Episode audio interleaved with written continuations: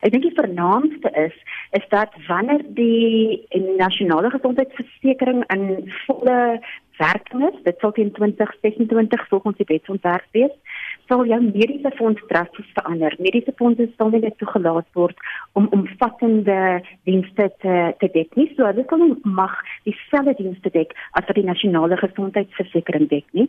Al wat mediese fondse dan mag doen is om um, dienste te dek wat die wat die nasionale gesondheidsversekering nie dek nie. Ons weet nie presies watter dienste die nasionale gesondheidsversekering sal dek nie. Dit sê in die wetsontwerp dit sal omvat omvattende dienste wees, maar daar's 'n komitee wat nog besluit oor watter dienste dit presies sal wees en ons behoort teen die tweede fase van die van van die nasionale gesondheidsversekering waarin ons nou is. Dis die fase tussen 2017 en 2022. En die einde van die fase behoort ons te weet wat se dienste sal gedek word. Nou kyk, hierdie gaan seker redelike duur spulletjie wees. Waar kom die befondsing vandaan, Miam? So die befondsing gaan uit 'n kombinasie van dinge vandaan kom. Die een is algemene belasting wat wat hulle van die, op die oomblik vir gesondheid gebruik, maar hulle sal ook van die geld wat na provinsies gaan, hulle dit direk na die na die fonds eerder stuur. Dan sal daar 'n uh, surcharge is teen persoonlike inkomstebelasting. Dit lyk dit die die bill die die die wetsontwerp sê nie hoeveel dit sal wees nie, maar in die ehm um, minister het vandag genoem dat dit in die omgewing van 1% sal wees van jou salaris dan sal daar ook aftrekkings wees van salarisse vir 'n werkgewer en 'n werknemer en dan sal hulle die um die die belastingkrediete wat mens op die oomblik kry as jy aan 'n mediese fonds behoort, sal dan um verwyder word en dit sal direk na die fonds gaan. Daai vier dinge gaan die hoofinkomste van die fonds wees. Jy het nou verwys na provinsies. Met ander woorde, gaan 'n provinsie in beheer wees van sy eie mediese dienste. Nee, dit gaan baie verander. So op die oomblik, hmm. um, is daar 'n stelsel waar die die verskaffer van die dienste is ook die een wat dit besit. So as jy na 'n hospitaal in 'n provinsie gaan, dan is die provinsie die eienaar gewoonlik van daai hospitaal of hulle kry die geld om daai hospitaal um, te bestuur en hulle bied dan ook die dienste aan.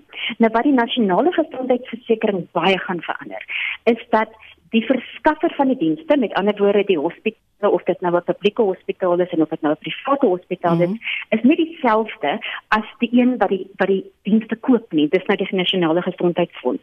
So die die versekering, daar gaan 'n fonds wees en hulle gaan fasiliteite reg oor die land kontrakteer om dienste te gee. Dit beteken daai hospitale of klinieke gaan direk gekontrakteer word deur die fonds waarop die oomblik moet alles deur die provinsiale regering gaan en daai stap heeltemal verwyder word. Dis baie ingrypende goed wat jy sê. Kan dit werkverliese in die sektor beteken? Wel, ek dink daar sal noodwendig werkverliese in die mediese skema, ehm um, skemas wees want ja, ja. hulle gaan noodwendig kleiner word. In 'n mediese skema werk maar soos 'n stokvel. Hoe meer dienste daar is, of hoe meer lede hmm. daar is, hoe meer geld is daar op 'n pool om van geld om, om uit te neem en as mediese pool nou net vir jou 'n uh, soort van top-up cover kan gee, dan gaan daar baie mense minder mense wees wat daaraan kan behoort en wat dit kan bekostig. So daar sal minder mense wees uiteraard vir mediese fondse kan werk.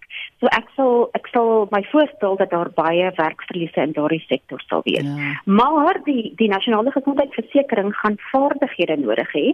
Hulle gaan beskiklik baie betalings moet prosesseer wat maar is wat mediese fondse doen.